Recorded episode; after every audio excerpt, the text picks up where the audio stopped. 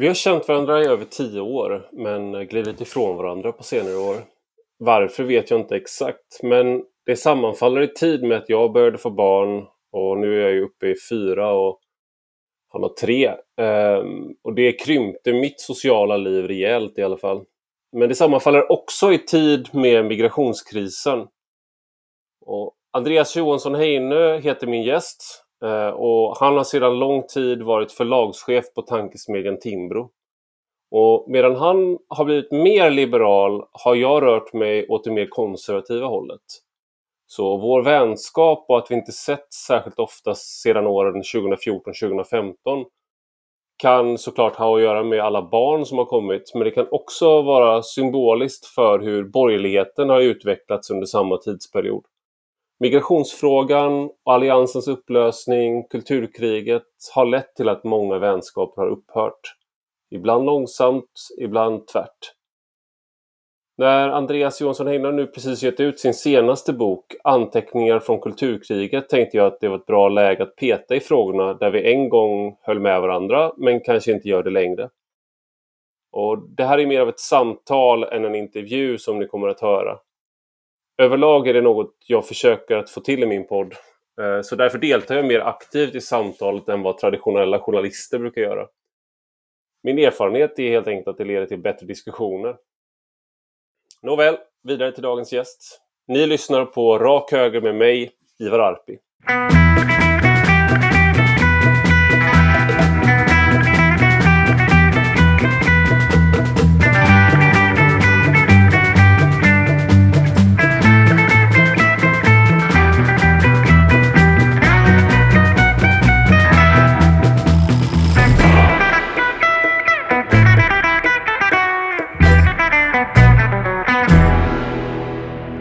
Välkommen Andreas Johansson Heine. Tack så mycket. Kul att du är här. Det var länge sedan vi pratade med varandra. Det är inte så länge sedan förresten. För jag hade återlansering av eh, pock, eller pocketversionen av Så blev vi alla rasister. Lanserades ja. och då ledde du samtalet. Precis, men vi var inte ensamma då, så det var länge sedan vi hade det tillfället.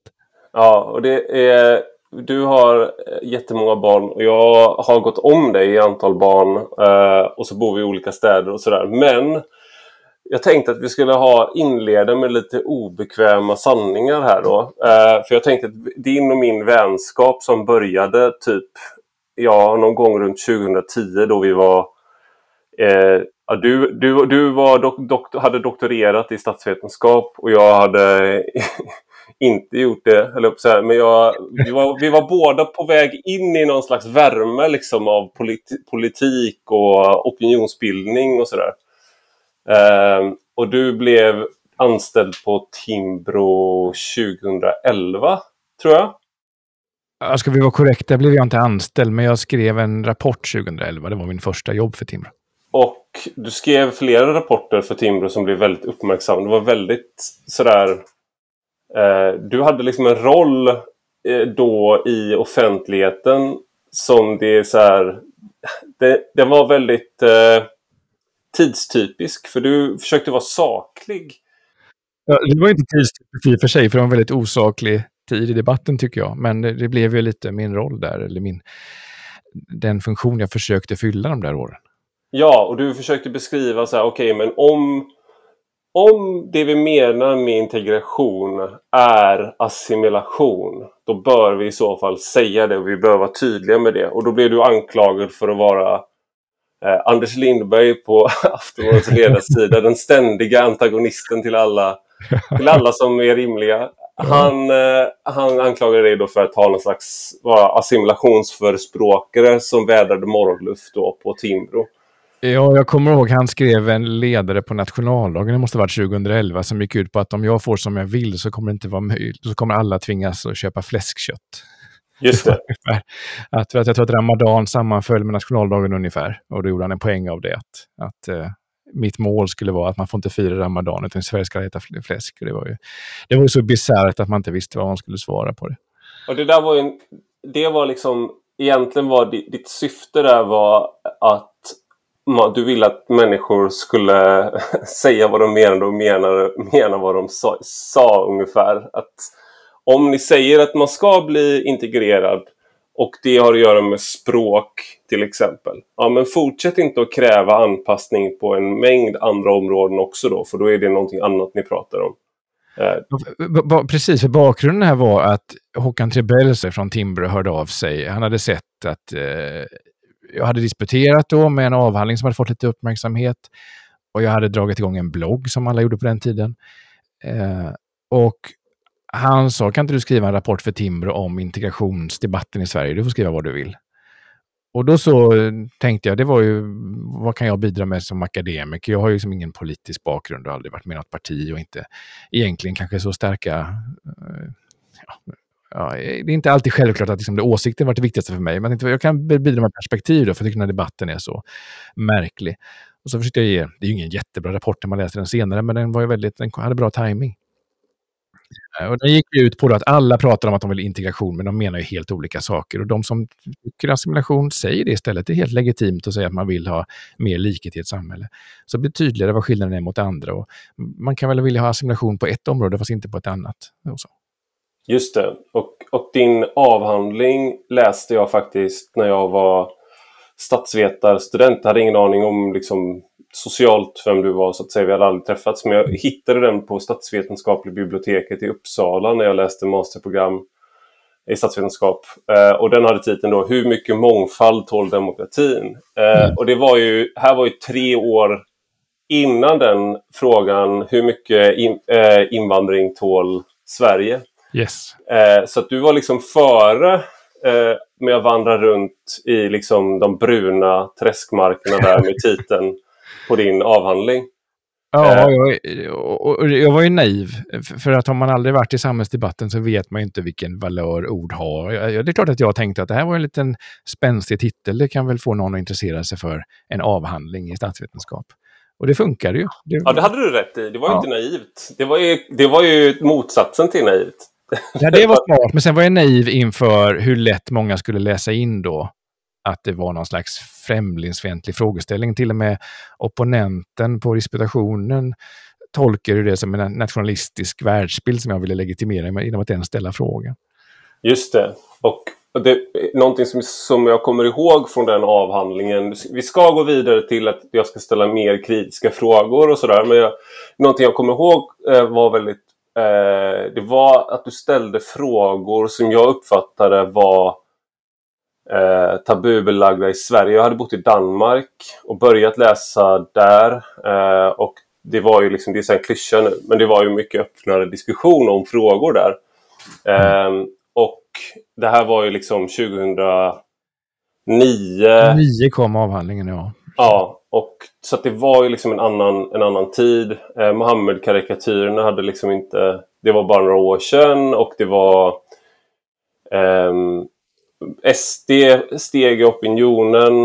Eh, jag tänkte att jag skulle skriva min masteruppsats om SD, men det, det gjorde jag inte sen. Men eh, du, bland en sak som jag kommer ihåg från den avhandlingen var att du jämförde olika fält där du har å ena sidan forskning om nationalism som mm. är, i princip var entydigt negativ till nationalism. Som handlar om att dekonstruera nationen. Liksom, och visa att det är en eh, de här, det är myter som inte är historiskt korrekta. Mm. Man ska hitta liksom eh, eh, få bort entydigheten i nationen, visa att mångfald alltid har funnits där men att den har blivit bortglömd eller ignorerad eller nedtryckt och sådär. Det var det ena då. Sen så visade du hur i den här för din andra bakgrund är också att du eh, har forskat om eh, Östeuropa och undervisat om Östeuropa. Eh, yes, precis. Och då har du jämförande studier om liksom hur får man demokrati att fungera. Och där var det liksom som en grundbult, en sanning att homogenitet och en nation är positivt för demokratiutveckling. Så du har ja. två fält som kommer fram till eh, helt motsatta saker. Ja, och de gör, alltså, det finns ju massa sanningar inom båda. Eh, det var det som var min utgångspunkt här, att det finns ju mm. massa goda argument från då demokratiforskning och annat om att nationell homogenitet är positivt, både för demokrati och välfärd och annat. Samtidigt som det finns en massa forskning om nationalism som visar på dess skadliga sidor. Eh, och de här sakerna är uppenbarligen sanna samtidigt, men hur hänger de ihop och hur bygger man? Det, det var ju... Jag är inte, inte någon originell forskare i att komma på nya metoder eller eh, sånt här. Va? Men, men jag tyckte det var kul liksom, att försöka länka ihop två olika fält. Så det var väl mitt bidrag egentligen i avhandlingen. Ja, och det, nu ska vi komma då till eh, det här, här var där vi fann varandra i allt det här. Eh, och sen så nu, du återger i boken eh, en Applebaum. Hon skildrar splittringen mellan liberala och konservativa i Polen under 2000-talet. Eh, mm. I boken Demokratins skymning från 2020 så hon, att hon beskriver hon att hon korsar gatan för att slippa konfrontera personer som hon 20 år tidigare hade haft på sin nyårsfest. Eh, och du skriver du eh, jag har aldrig varit bjuden på någon nyårsfest bland borgerliga intellektuella, än mindre arrangerat en sån fest. Men bortsett från den detaljen är igenkänningen stor. Och jag kan tänka mig varför igenkänningen är stor. För det var att du var, du var på min bröllopsfest 2014. eh, och eh, vi har inte haft en sån splittring att vi korsar gatan. Men flera, det är några av de andra gästerna där, de som jag bjöd in då, de har ju tagit avstånd från mig och inte bara i det tysta utan även i offentligheten. Eh, och det här det du säger, det här med att, för det är ju verkligen en, en igenkänning i just det där inom liksom det, vi, det som tidigare var Alliansen. Just nu när vi spelar in det här så pågår ju talmansrundor där forna alliansvänner håller på olika statsministerkandidater. Ja. Eh, och det är liksom en även om det har pågått ett tag nu så är det en utdragen och ganska plågsam process för många. Och det är också som har fått sociala konsekvenser att man, man tappar lusten till att umgås med vissa människor som man tidigare åt lunch med till exempel. Det, och det kan, kanske inte alltid går att sätta fingret på exakt varför men det är många gånger skulle jag ändå hävda att det finns en liksom, ideologisk kärna och ja, din, din bok eh, heter Anteckningar från kulturkriget. Eh, och jag tänker att det är just det att man hamnar på olika sidor av det kulturkriget får verkligen sociala konsekvenser. Ja, eh, jag tror inte jag har drabbats så hårt som många andra. Jag har några personer jag vet som slutat hälsa på mig. Eh, men det är inte så mycket. Men jag har hört många andra berätta och man har sett många andra glida isär. Det här har blivit väldigt personligt på ett sätt som jag tycker är enbart sorgligt. Men det är också som inte man kan, som du säger, man, man måste kunna ta de obekväma frågorna. Det säger ju någonting. Mm. Vad, vad, är det det säger i så fall? Jag tänkte vi skulle göra några nedslag då för att försöka se om vi, om vi eh, liksom ska behöva korsa gatan eller om vi... Eh, liksom, vad har hänt sedan 2014 då, där den här bröllopsfesten som vi var på? eh, för just 2014 så höll ju Fredrik Reinfeldt sitt tal där han uppmanade svenska folket att öppna sina hjärtan med anledning av de skenande migrationskostnader som mm. då intecknade allt reformutrymme. Mm. Eh, och du skrev så här på din blogg då. För alla pratade då om att eh, påpekade du att ah, hur, hur gynnar det här SD? De flesta var rörande överens om att det här gynnar SD på olika sätt. Och du var inte övertygad om det. Du skrev så här. Fokuseringen på SD-effekter av Reinfeldts tal är ett symptom på ett gravt missförstånd i svensk politik. Politikens materiella bas, samhälleliga skiljelinjer, aggregerade intressen, omvälvande samhällsförändringar underskattas systematiskt till gagn för analyser som presenterar politiken som ett diskursivt spel. Men Migrationsverkets rapport om de skenande kostnaderna för asylinvandringen är inte ett resultat av en diskurs det är en följd av en förändrad verklighet. Statsministerns politisering av myndighetens rapport är inte ett exempel på en samhällsdebatt på glid. Det är ett exempel på politiskt ansvarstagande.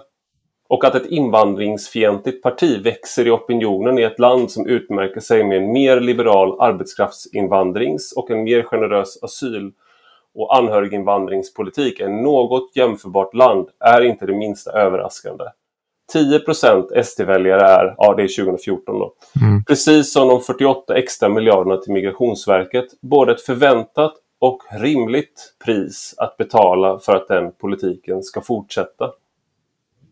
Mm. Hur ser du på både talet och din kommentar idag så att säga? Ja, det där har jag inte... Eh, det är ingen text jag kommer ihåg, men det lät väl ganska rimligt när du ja. det. Eh, kanske en aning krångligt formulerat, men, men, men ändå. Man ska komma ihåg det att det är mycket falskt klingande när folk i efterhand eh, från vänster så har ställt sig om som att Reinfeldt var den gode. Det var ju de som började med att kritisera honom. Mm. Han sågs ju i valrörelsen var förkastligt att överhuvudtaget säga att det fanns den här kostnaden. Det var, det var ju en bisarr period i debatten som nästan var i slut då. Det här är ju liksom sista akten i det spelet när man helt försökte prata bort konsekvenser. Mm. Eh, och, och där allting då, som sagt, reducerades till en slags spel. Eh, och där diskursen var allting. Och eh, det, det, det, det gjorde ju, det gav ju då, nu kommer jag direkt in på en sån analys då, men, men det, det gav ju ett, ett onödigt gott utgångsläge för Sverigedemokraterna. Ja. Eh, det var väldigt frustrerande att känna att man tyckte att de hade fel i sak, men samtidigt så betedde de andra sig på ett sätt som gjorde att de faktiskt i vissa frågor hade mer rätt. Här har det ju hänt väldigt mycket verkligen. Det är så kort tid sedan på många sätt. Mm. Eh, fys fysiologiskt känns det som väldigt lång tid sedan för mig, men det är bara sju år sedan. Eh, men idag så pratar ju alla om invandring på ett sätt som är... Alltså, Sverigedemokraterna, jag undrar om man skulle jämföra vad Sverigedemokraterna sa då med vad Socialdemokraterna har sagt sen. Mm. Det är liksom, hur stor är skillnaden egentligen? Det är... Men någonting som du, som du tar upp här är också den här politikens materiella bas. Och det där är någonting du återkommer till i, i boken också. Eh, alltså hur vi har ett eh, ett samhälle eh, som är förändrat. Alltså, mm. Du skriver om eh, att mångkultur, den, den, demografiska förändringen av Sverige är en realitet. Men det är också det mångkulturella samhället. Mm. Eh, så det där är, ju, det där är ju liksom en eh, intressant för, annars brukar man ju tänka att liberaler tänka att samhället är mer eh, idéer än um, att, det, att förändringar av idéer sker på ett annat plan. Men det du antyder här är att när det förändrar sig på marken så får man också en förändring i idéer. Ja, ja, ja jag tror inte att det måste vara antingen eller där. Jag tycker inte man måste välja. Jag tror ju att idéer utvecklas i ett samspel med, med verkligheten. Men det är absolut så att eh, många liberaler eh, har ibland eh, tagit lite för lätt på den här materiella basen och mm. eh, glidit iväg idéerna. Och personligen har jag haft jag är ju, jag är ju som, som statsvetare så gled jag iväg åt så politisk, politisk filosofi-hållet. Eh, jag är en sån som tycker det är intressant med idéer och ideologier och förstår förändringen på den här abstraktionsnivån. Så jag tycker det är kul. Men jag tror ju, och jag kan mycket mer om sånt än vad jag kan om sociala, ekonomiska eh, frågor. Men jag har ju aldrig trott att det bara är det som är relevant. Mm. Man, man, alltså det intressanta är ju att se i vilka sammanhang kan idéer förändras och utvecklas. Och det, det, det finns ju några sådana berättelser i boken från lite olika fält där jag försöker visa på och förstå sådana här eh, förändringar av normer, ideologier, idéer. Mm. Just nu så pågår ju en, eh, en diskussion om Strandvägen i Stockholm då som den här fina paradgatan så att säga. Där, eh, på kvällarna nu då så beskriver det, här, det finns olika beskrivningar av det här men en beskrivning står Fredrik Kärrholm för då som skriver eh, för detta polis som arbetar säkerhetsföretagen och han, eh, han beskriver då på kvällarna att eh, längs gatan åker bilar i höga hastigheter som trotsar rödljusen. Från parkerade fordon spelas hög musik. Den som tar en sen kvällspromenad möts av argsinta blickar och killar på elsparkcyklar som kör i full fart provocerande nära. Och det där, det där har mötts av olika reaktioner. En reaktion är ju liksom att ah, det, det som sker eh, de rika på Östermalm nu är det som har skett människor som är lägre, med lägre inkomstnivåer långt tidigare. Men det är först nu då, det är inte sant, men det är först nu som det blir en stor debatt.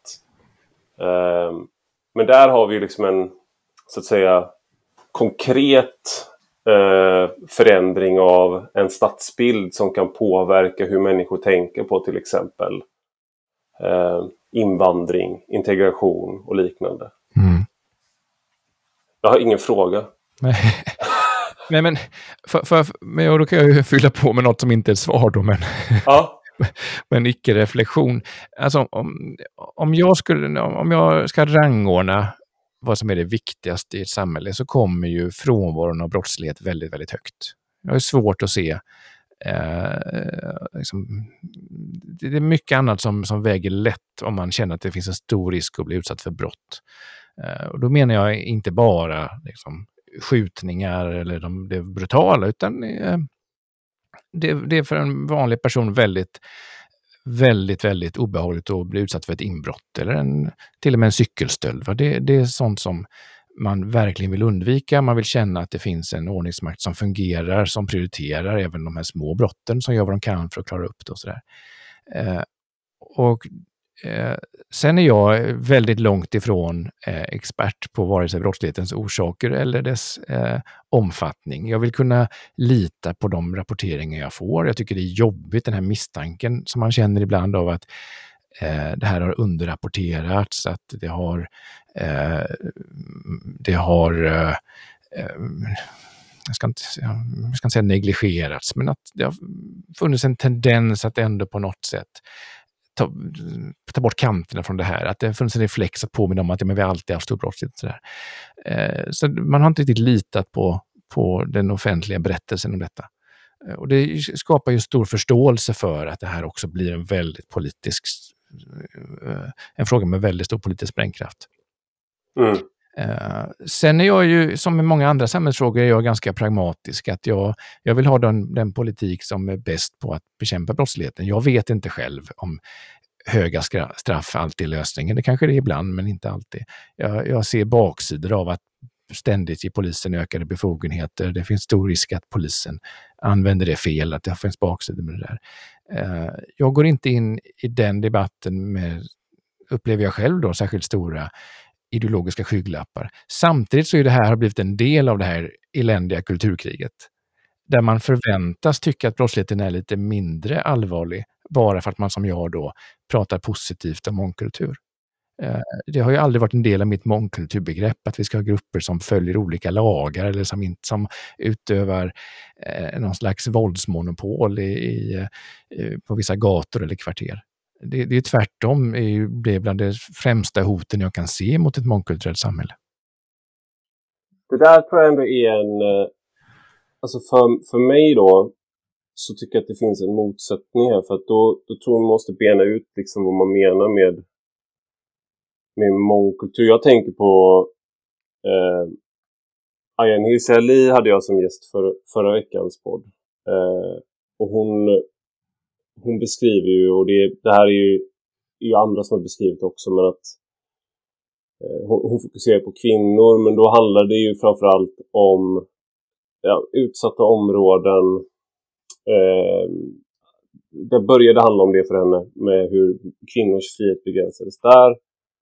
Och nu så begränsas i hennes tes eh, kvinnors rörelsefrihet på många andra ställen till exempel på ett sånt ställe som Strandvägen då skulle man kunna hävda att folk börjar tänka efter vill jag gå ut på kvällen eh, när det ser ut så som det gör ute på gatan till exempel. Eh, och hon skrev så här i sin bok att män som föraktar kvinnor begränsar dock sällan sitt förakt till kvinnor med samma bakgrund som de själva. En del muslimska män föraktar alla kvinnor, inklusive europeiska kvinnor. Kvinnor som hade tagit det för givet att de hade uppnått en nivå av frigörelse som särskilt särskilde dem från muslimska kvinnor. Och där har vi ju liksom en, ska man säga, en, inte en mångkultur egentligen, utan en, en syn på hur kvinnor ska bete sig till exempel, som förs ut mot andra. och som andra upplever som begränsande. Mm. Hur, hur hanterar hur liksom är, är ditt eller ett liberalt svar på det där så att säga? Ge mig tre, ge mig tre lösningar nu nu. ja, du får inte en enda lösning, men, men uh, i, ja, det, här, det här är ju, till att börja med, så är det här den typen av frågor som behöver sådana här samtal. För det finns nyanser här som man måste ge utrymme till. Uh, där man, dels som det som jag var inne på förut då, att jag, jag delar bilden som jag tror att du också har av att det här är frågor som har tonats ner. Om man tar det här specifikt med kulturell, kulturella faktorers betydelse för brottslighet. Det var ju någonting som var tabubelagt i svensk debatt under flera år. Det var ju det det handlade om när till exempel Mauricio Rojas första gången tvingades bort från mm. debatten. Det är, då är vi tillbaka typ 2005 eller sånt där. Mm. Eh, Han har blivit borttvingad många gånger. ja, ja, det kanske inte ens var första, men det är den jag minns. Va? Det, ja. Man gick väldigt hårt åt honom då. Eh, för påståendet att kultur är en relevant faktor bland flera. Eh, mm. Det var fel, eh, det var skadligt, eh, det, det provocerade många. Jag ser ju en risk att det kan slå åt andra hållet, där man lyfter fram kultur som den faktorn som förklarar brottslighet. Eh, och det kan låta som en sån där mittemellan-svar, men, men jag vill stå upp för det. Jag vill stå upp för att det inte ska vara en antingen eller med kultur, kulturförklara allt eller inget. Eh, och liksom, när man då börjar prata om muslimska män ja, självklart måste man kunna erkänna att det finns normer som varierar mellan grupper. Och mm. att, att, man kan se det. Men vi pratar ju också här om liksom, föräldrar till mina barns klasskamrater. Jag ser inte dem som del av en grupp som har en annan syn på brottslighet eller på kvinnors roll i offentligheten. Det är en så extremt heterogen grupp vi fortfarande pratar om. Uh, jag ser faror när man kopplar ihop det där alldeles för mycket. Jag tycker att Ayaan Hirsi Ali hör till de som är vårdslösa med hur hon, hur hon, vad det är för bild hon ger av, av islam och så. Nu tvingas jag prata om diskurser, men det är också viktigt. Mm. Uh, och nu lämnar vi den här uh, materiella basen här då men du var Helst inte, var... men, men, nej, men, nej, men, men, det är inte he... bara för att man inte tycker att det är allt så är det inte oviktigt hur man, man pratar om det. Det kan slå över. Mm. Uh, och uh, det tycker jag att det finns exempel på hur hon har uttryckt sig. Nu har inte jag hört ditt samtal med henne, så jag ska inte gå i polemik med just det, men hur, hur hon har skrivit tidigare. Du var annars eh, väldigt tidig med att beskriva egentligen det här. Eh, eller väldigt tidig beror på vem man jämför med, men tidig om man jämför med folk som befinner sig i någon slags eh, eh värme. Eh, eller vad man ska säga.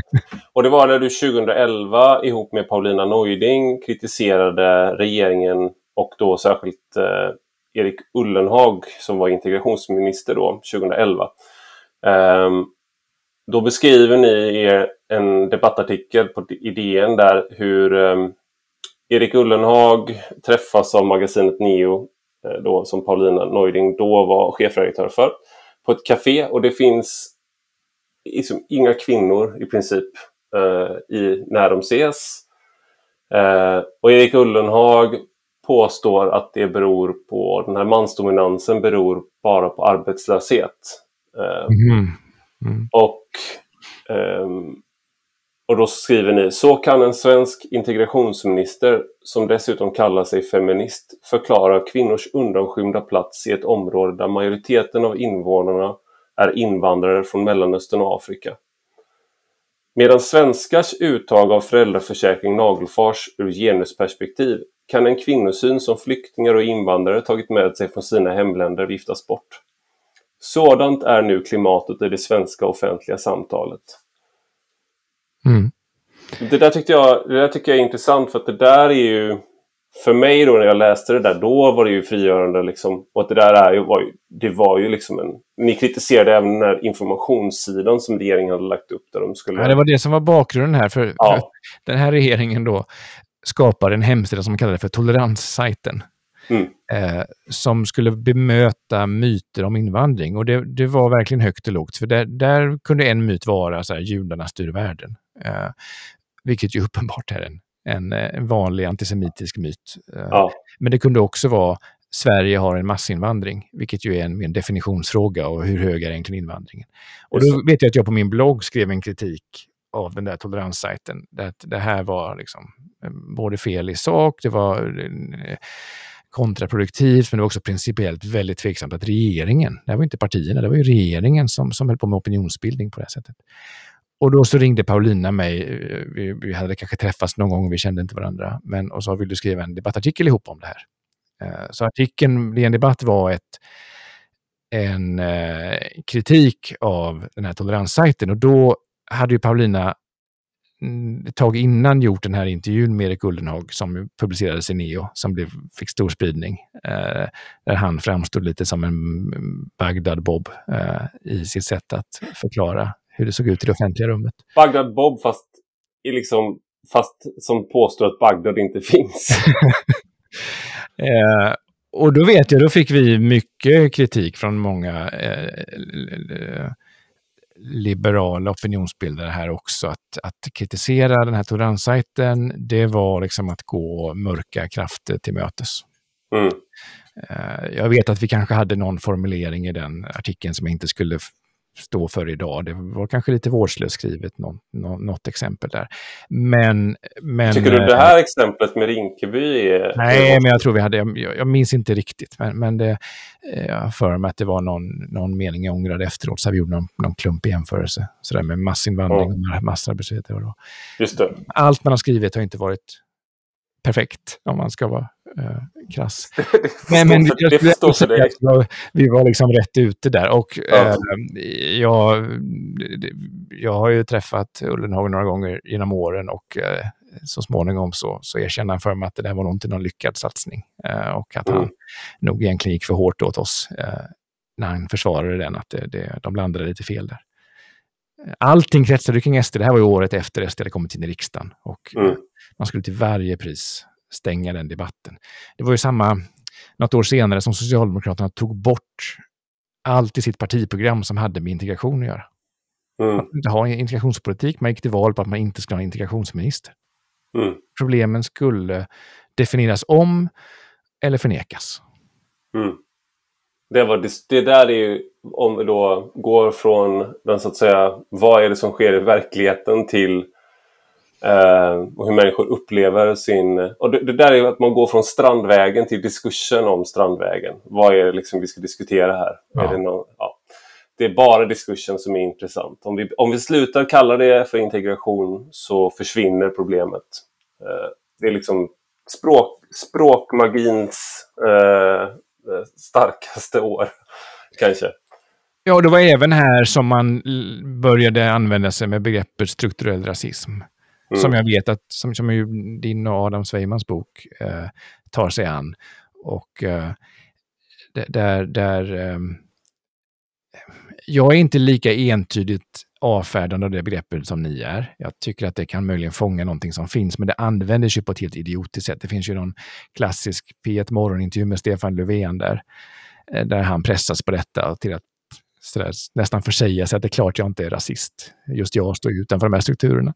Det var hans första tal på partikongressen där han sa att vi måste våga se rasismen inom oss själva. Ja, just det. Även liksom, re- finns även liksom, det finns hos oss alla och även i regeringen. Det var innan han själv satt i regeringen, ska man lägga till, så det var inte så storsint som det låter.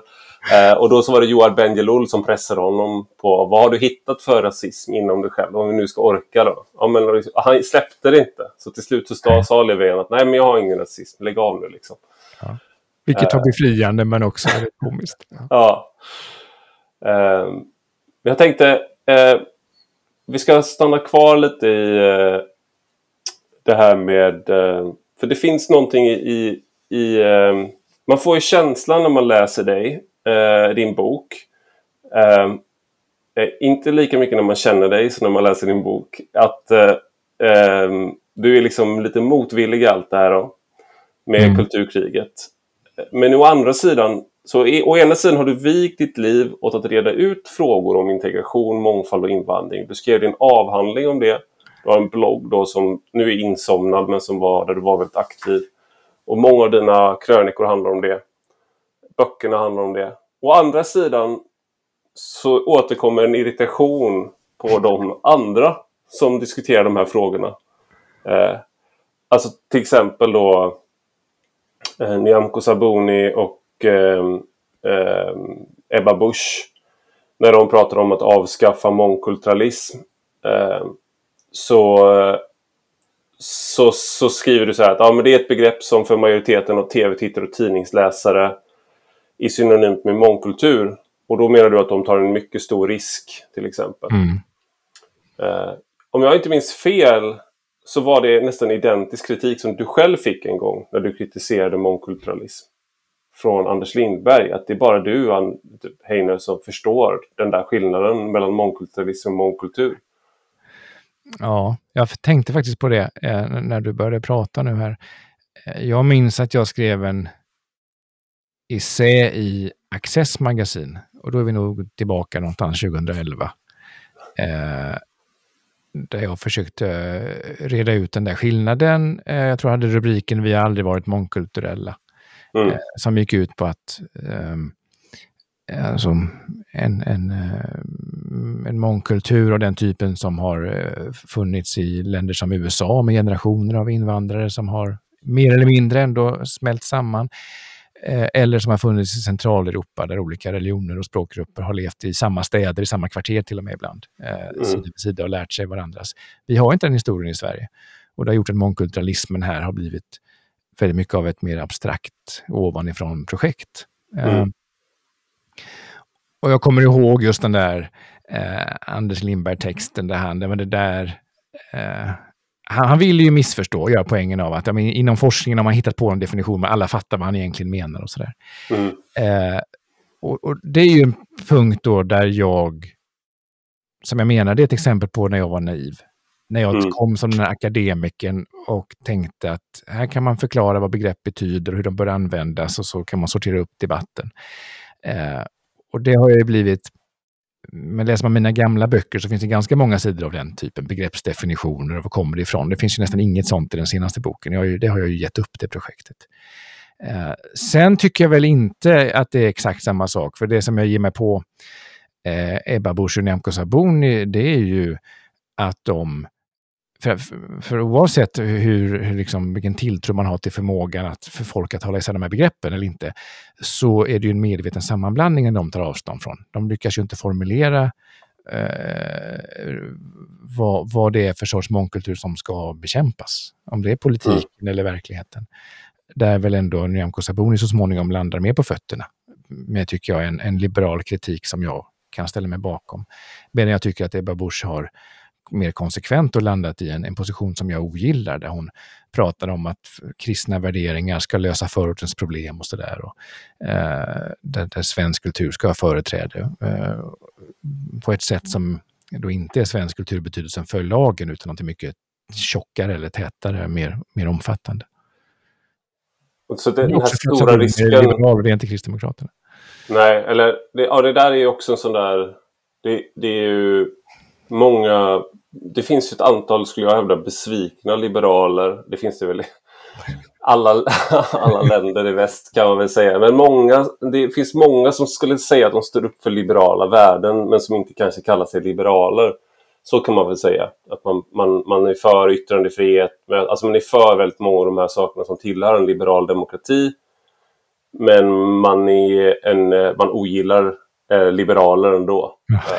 eh, och jag, jag, kan väl skriva upp, jag kan skriva upp lite delvis på den beskrivningen av mig själv om någon skulle säga att jag ofta kritiserar liberaler men jag är ganska liberal på väldigt många sätt själv skulle jag, skulle jag säga. Eh, och det är kanske upp till andra att definiera. Men du skriver att de tar en stor risk när de gör det här. Och mm. Kan det vara så att de har läst eh, liksom, Andreas Jonsson Heiner, den, den eh, den äldre och, och, liksom, och inte den yngre då. Att de, Nej, har, de, har, lyssnat, de har lyssnat på, liksom, för, för många av oss som deltog i debatten för tio år sedan, och så där, då var det ju just den här skillnaden mellan ismen mångkulturalism då där man eh, det projektet liksom att man ska på något sätt stärka minoritetskulturer, man ska stärka minoriteters grupp, man måste erkänna minoriteters grupp, liksom identiteter och sånt där. Och att det där fick väldigt mycket kritik eh, och det var det där som också, eh, som jag uppfattade Angela Merkel, eh, David Cameron och det var den bilden av det, att vi är separate but equal ungefär. Eh, det var liksom den bilden av mångkulturalism som de kritiserade. Mm. Eh, medan då mångkultur som en levd verklighet som du var inne på, eh, det var inte det som de tog avstånd ifrån i den utsträckningen. Men här är vi också, vi inne och det, men då undrar jag då, när du skriver då att Ebba Busch och Sabuni provpratar om att avskaffa mångkulturalism, att de tar en stor risk, eller en mycket stor risk. Vad är det för risk? Ja, men då syftar jag nog på att... Eh, för då, jag har helt med dig i beskrivningen av vad, när du pratar om Cameron och Merkel och så, det, det var ju en, en period runt 2010-2011 när man i ganska, ganska många länder i Västeuropa gick ut och sa vi kan inte ha en politik som främjar skillnad mellan grupper längre, utan vi måste försöka istället eh, eh, göra vad vi kan för att öka gemenskap i, typ, i betydelsen till exempel gemensamma språkkunskaper, understryka att vi är en del av ett, ett land här och att eh, man kan vara minoriteter i samma nation och sådär. där. det var ju vad det handlade om den gången. men någonting har skett i debatten sedan dess där det inte bara är politiken man ger sig på, utan det mångkulturella samhället som sådan, som verkligheten. Att ett mm. problem i sig med eh, eh, kulturella olikheter. Och det håller jag ju med om så länge vi pratar om, eh, om, man, om man reducerar kultur till att handla om eh, Eh, alltså, antidemokratiska normer. Ja, då är det ett problem om vi vill ha en demokrati, att det är för stora grupper som är, är emot det. Och, och, eh, eller med, med, med vitt skild kvinnosyn och så. Men, men eh, det vi har också den här, eh, där du har, om jag ska ta dig som exempel. Eh, jag är med i boken på, på, ett par ställen. Det här, här är jag med. ja, du fick vara med lite grann. Eh, ja, men till exempel så skrev ju du några texter på temat att det är demografin dumbom för mig ja. rubrik. Och då vet jag att det fanns de som övertolkade vad du menade och gjorde för stor poäng av det. Men jag tyckte också att du kanske var lite otydlig. Eh, det blev liksom oklart vad du ville ha sagt. Ungefär samtidigt så skrev Kajsa Dovstad sin text där om Jimmy Moments eh, som handlade om eh, känslan av att man är främling i sitt land för att man inte hittar de varor man vill ha en matbit. Alltså jag har aldrig varit med om eh, något liknande egentligen. Alltså jag startade en debatt eh, där om demografisk förändring och det var ett svar på Joakim Ruists eh, rapport om eh, ehm, liksom varf, om, invandringens kostnader. Och han menar liksom att det här har vi råd med. Eh, men sen så gick han mm. liksom inte, han antydde att han visste att egentligen så handlar inte invandringsmotstånd om det här. Utan han skrev liksom att kulturella skillnader är viktigare. Men sen så släppte han det. Ja, det. det var bara en mening. Så jag sa liksom att hur, hur, kan man skriva en så här lång rapport och liksom bara på, utan att ta upp det här? Och då beskrev jag en stad som jag besöker ofta, som har förändrats på några få år. Liksom. Och sen, sen kom Kajsa Dovstad in i den debatten och bara tog över med bara så helt liksom, bara, bara ingen liksom, och vad ska säga, om jag ändå var lite försiktig beskriven, och hon bara, jag hade ett Jimmy moment. Jag gick in och liksom att det var ett, ett tillfälle där, då, där, där, hon kände att men jag kommer rösta på Sverigedemokraterna. Liksom. Och det var så här, hon går in i Gävle, i Sätra då, hon, har, hon jobbar som läkare och försöker hitta den här livsen där i, den här, liksom, i, det här, i det här området med väldigt få etniska svenskar. Så här, försöker hitta liksom, mat och hon hittar frysta smådjur uh, i, i, alltså det var bara så bilder, bildspråk, Jimmy moment. Liksom. Man kan, alltså det var verkligen, jag, jag var helt, eh, jag försvann helt i den där debatten. Jag trodde jag var liksom den där rasisten. Och Kajsa Dåstad kom in och bara hold, hold my lokalproducerade svenska öl, tack. Hold my frysta smådjur. ja, för jag, jag skulle citera henne i, i boken, för det, det var ju svårt att inte ha med i det avsnittet. Uh, så jag tror så sökte jag i mediearkiven, jag tror det var så 150 referenser per månad. Vet, det ja. var, varenda text tog upp det där som exempel. Jag ska understryka då att när jag tar upp det här i min bok, så det är inte ute efter att fördöma eller sådär, utan jag sätter in det i sitt sammanhang av hur debatten har förändrats. För det, fanns ju en tid när man pratade så här att självklart är mångkultur bra när det handlar om att eh, vi får eh, fotbollsspelare, nya maträtter, färger, musik, dans, men det är dåligt när det påverkar brottslighet eller uh, synen på jämställdhet och sådär. Men här har vi ju ett antal texter som säger att ja, men det, det, det här är inte med att någon begår brott eller att någon inte ens arbetar, utan det är att det var fel utbud i mataffären. Eller det är att man känner inte igen samhället runt omkring sig och som inte behöver ha att göra med att det har blivit eh, mer osäkert eller kriminellt eller någonting sånt, utan bara att det är förändrat. Och grejen är att jag tror ju, om man ser det här helt neutralt, så tror jag att det ligger någonting i det. Jag tror att mm, det finns väldigt många människor, nu säger jag inte väljare, för jag pratar om människor, som, som kan uppleva hastig förändring åt vilket håll den än är, som, som någonting tveksamt, som någonting man känner sig osäker inför. Jag tror väldigt många har en sån grundläggande konservativ reflex eh, och, eh, som är helt naturlig. Men, och det är där då, dit jag är på väg, när man gör politik av det där och spelar på det där, så kan man sätta ganska farliga krafter i rörelse. För då spelar det ingen roll här. Alltså, eh, om det eh, om, om det är så då att första argumentet, vi har inte råd för att för många kommer hit jobbar inte.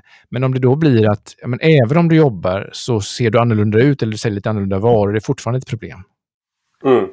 Då, då, då är jag bekymrad över att jag har svängt för långt åt andra hållet.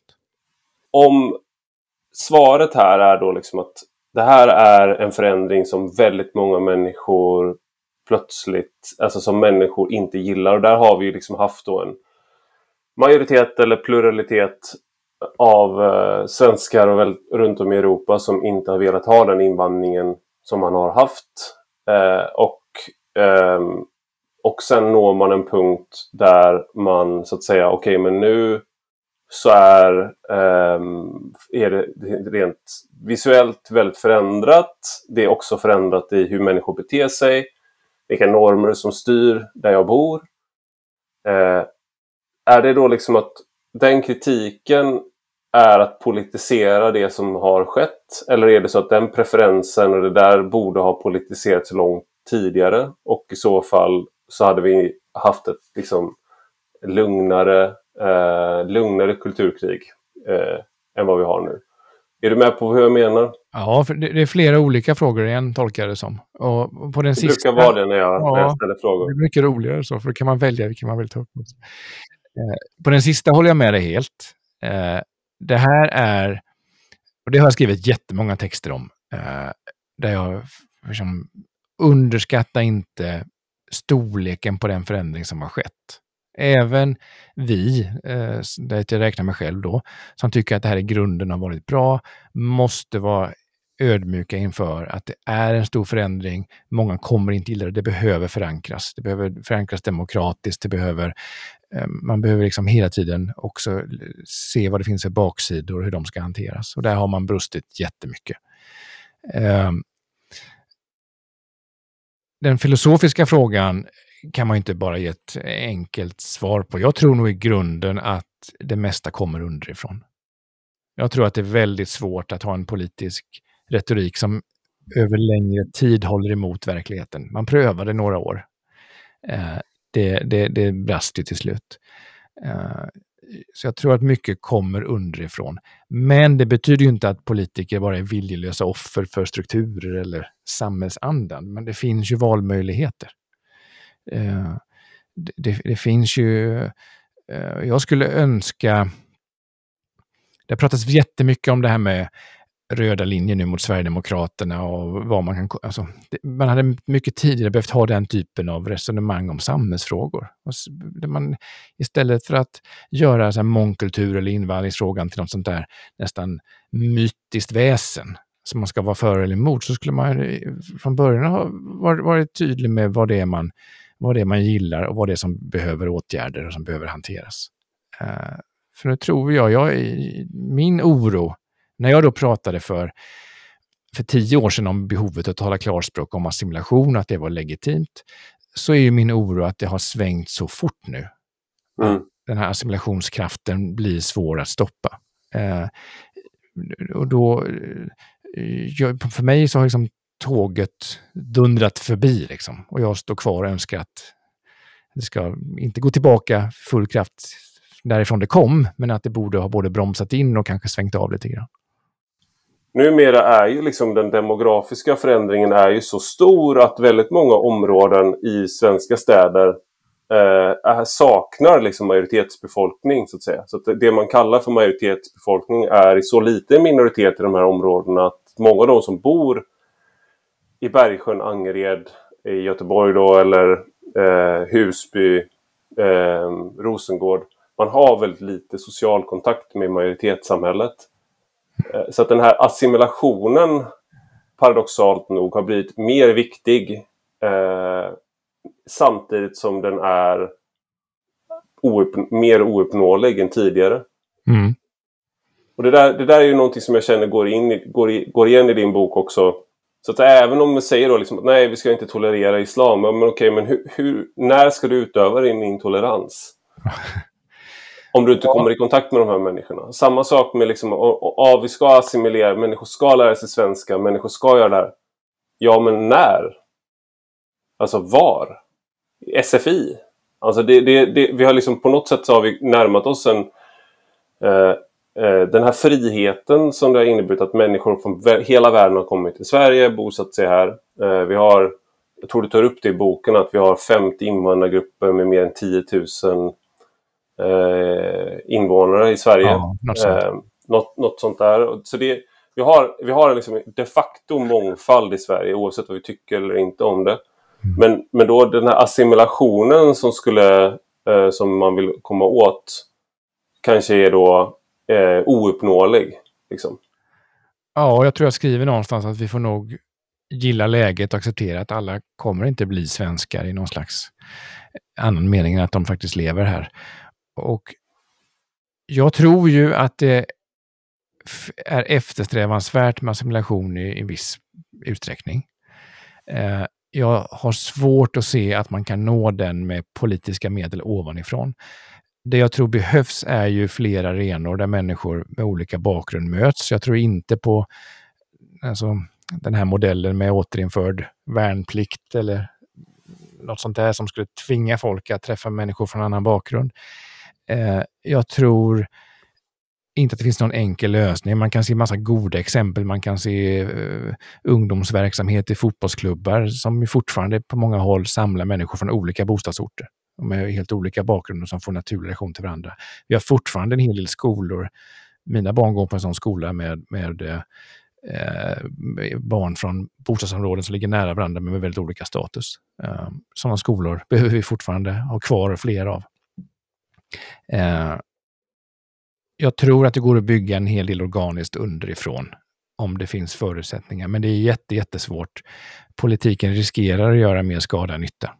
För så fort du börjar försöka tvinga fram det här så, så kan det slå åt ett annat håll, alltifrån motståndsidentiteter som stärks, eh, ökat främlingskap till majoritetskulturen och så vidare. Eh, vi behöver mycket mer kunskap om varandra. All mångkultur bygger på att man faktiskt har viss kännedom om andra kulturer. Eh, det kan handla om att man en sak som jag har jättesvårt att förstå är den här upprördheten från, från många nationalister. Jag kan förstå det, men jag tycker den är väldigt fånig. Det var eh, till exempel, tror det var i Malmö för några år sedan, så var det en så frivillig kurs i arabiska för poliser. Och det uppfattades som väldigt hemskt. Det är ju tvärtom, tror jag, jättebra att det blir en viss ökad språkkunskap eh, bland, bland, bland, bland de grupperna. Hellre det än att kvotera in personer med olika bakgrund.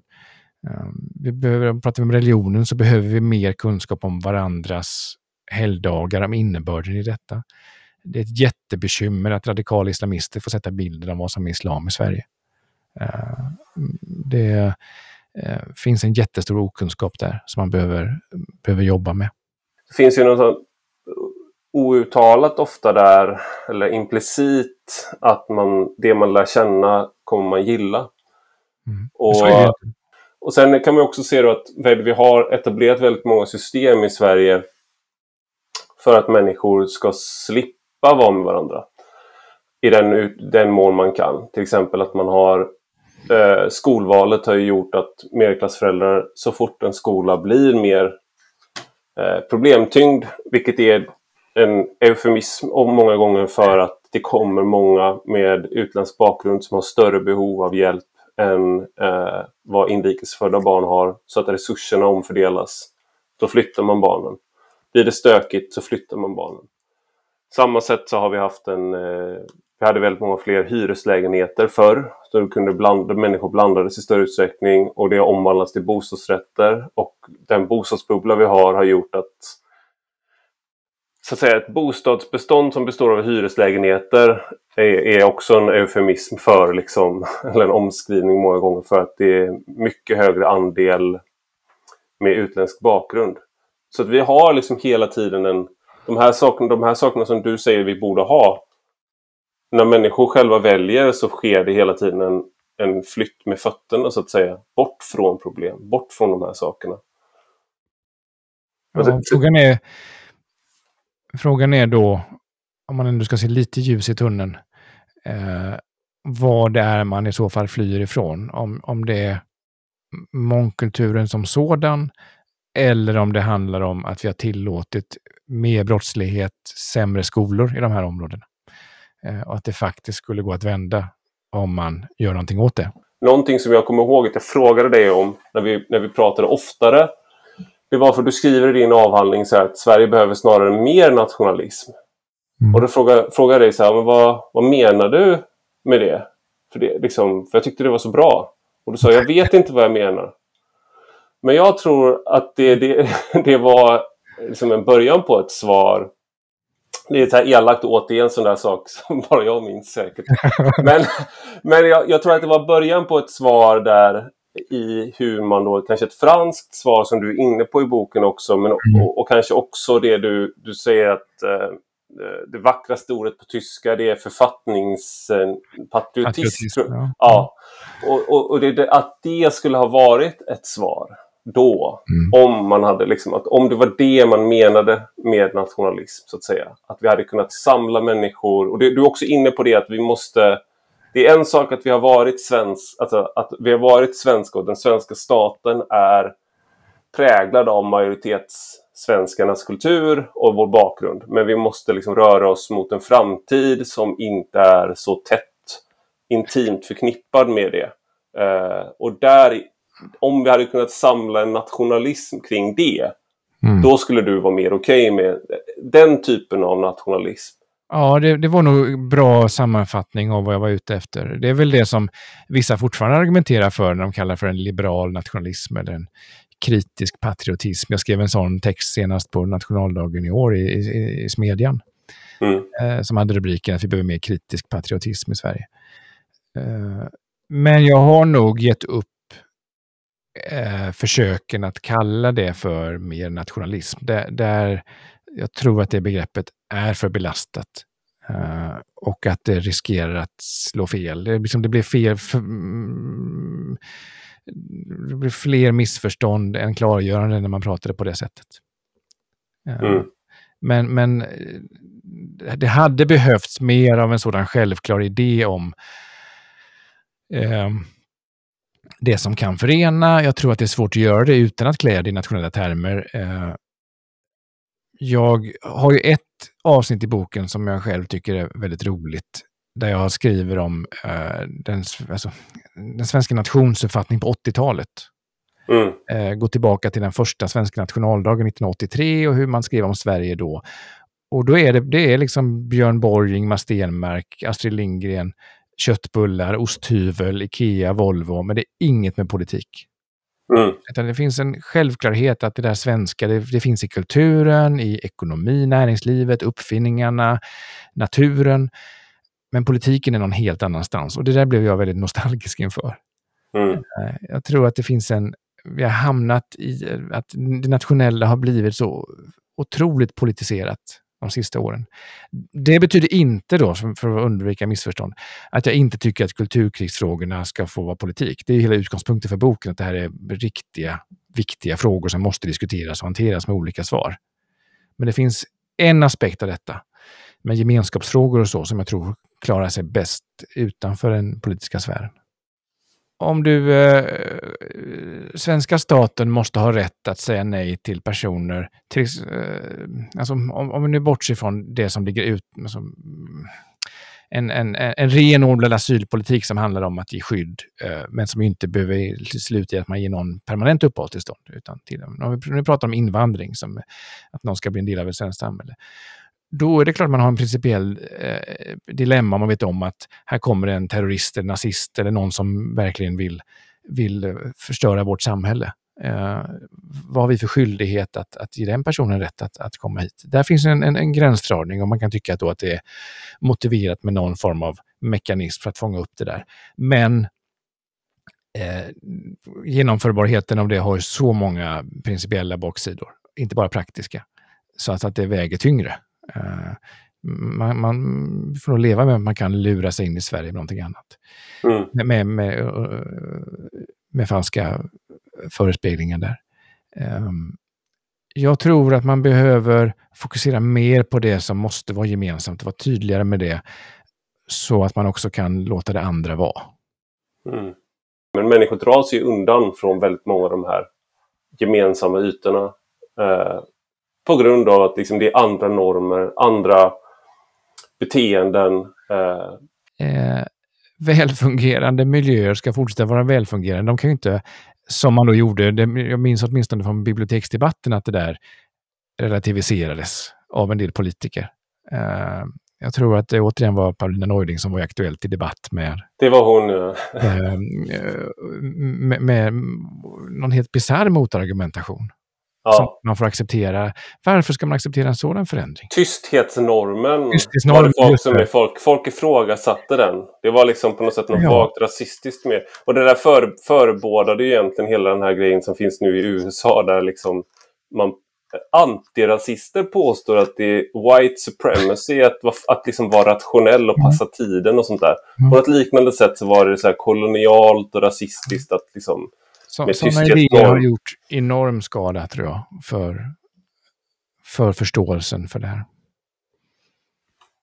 Naturligtvis är alla människor kapabla att följa regler i ett badhus eller bibliotek. Det är en rasistisk tanke att vissa grupper inte ska klara av det. Men frågan är när det inte sker. Det är väl det här som är, det är väl det här jag tänker. Jag försöker komma fram här till liksom en, till var, till liksom eh, till varför du ska gå över gatan när jag kommer gående. Och liksom, nej, men jag tänker liksom att det, det är någonstans, jag säger ju här att det är invandrares fel. Det är det. Det är, liksom, det, är så det, är, det är det som det kokar ner till här. Och det blir på något sätt att ett, ett, en volymfråga. Det är det jag pratar om. Att om det kommer tillräckligt många, tillräckligt fort, så kommer normerna organiskt att förändras så mycket att du kan, det är liksom att man är bortom debatten om det är rasistiskt eller inte. Det bara är. Det bara är så att de som går till det badhuset inte har de normerna längre. Och att upprätthålla de normerna inte längre är liksom, funkar inte. På samma sätt i en skola som tappar kontrollen så går det liksom inte att be folk att ta av sig kepsen. För att man har låtit det gå så långt och det har gått så snabbt att det är helt andra omständigheter. Och det som är socialtjänst... Det skiljer vi oss åt. För jag tror att om du, hade, om du har rätt så skulle det se ut på samma sätt överallt. Jag är inte säker på att det gör det. Jag, jag tror att det spelar roll hur man väljer att upprätthålla ordning. Hur man väljer att bemöta om det kommer nya grupper. Eh, på samma sätt som att vi socialiserar in nya generationer svenskfödda ungdomar varje år eh, i nya miljöer och så. Så kan man välja hur man, hur man bemöter. Jag tror att det har funnits en, en ursäktande kultur. Den går tillbaka, långt tillbaka. Mm. Eh, hur vi i, alltså, eh, 50, 60, 70-tal, hur svenska myndigheter såg mellan fingrarna till exempel mot romska grupper i bostadsområden som inte behövde följa samma regler som andra för de ansågs vara helt enkelt inkapabla som i sin tur skapade rasism och motsättningar mellan grupper. Hur man hanterade finska grupper.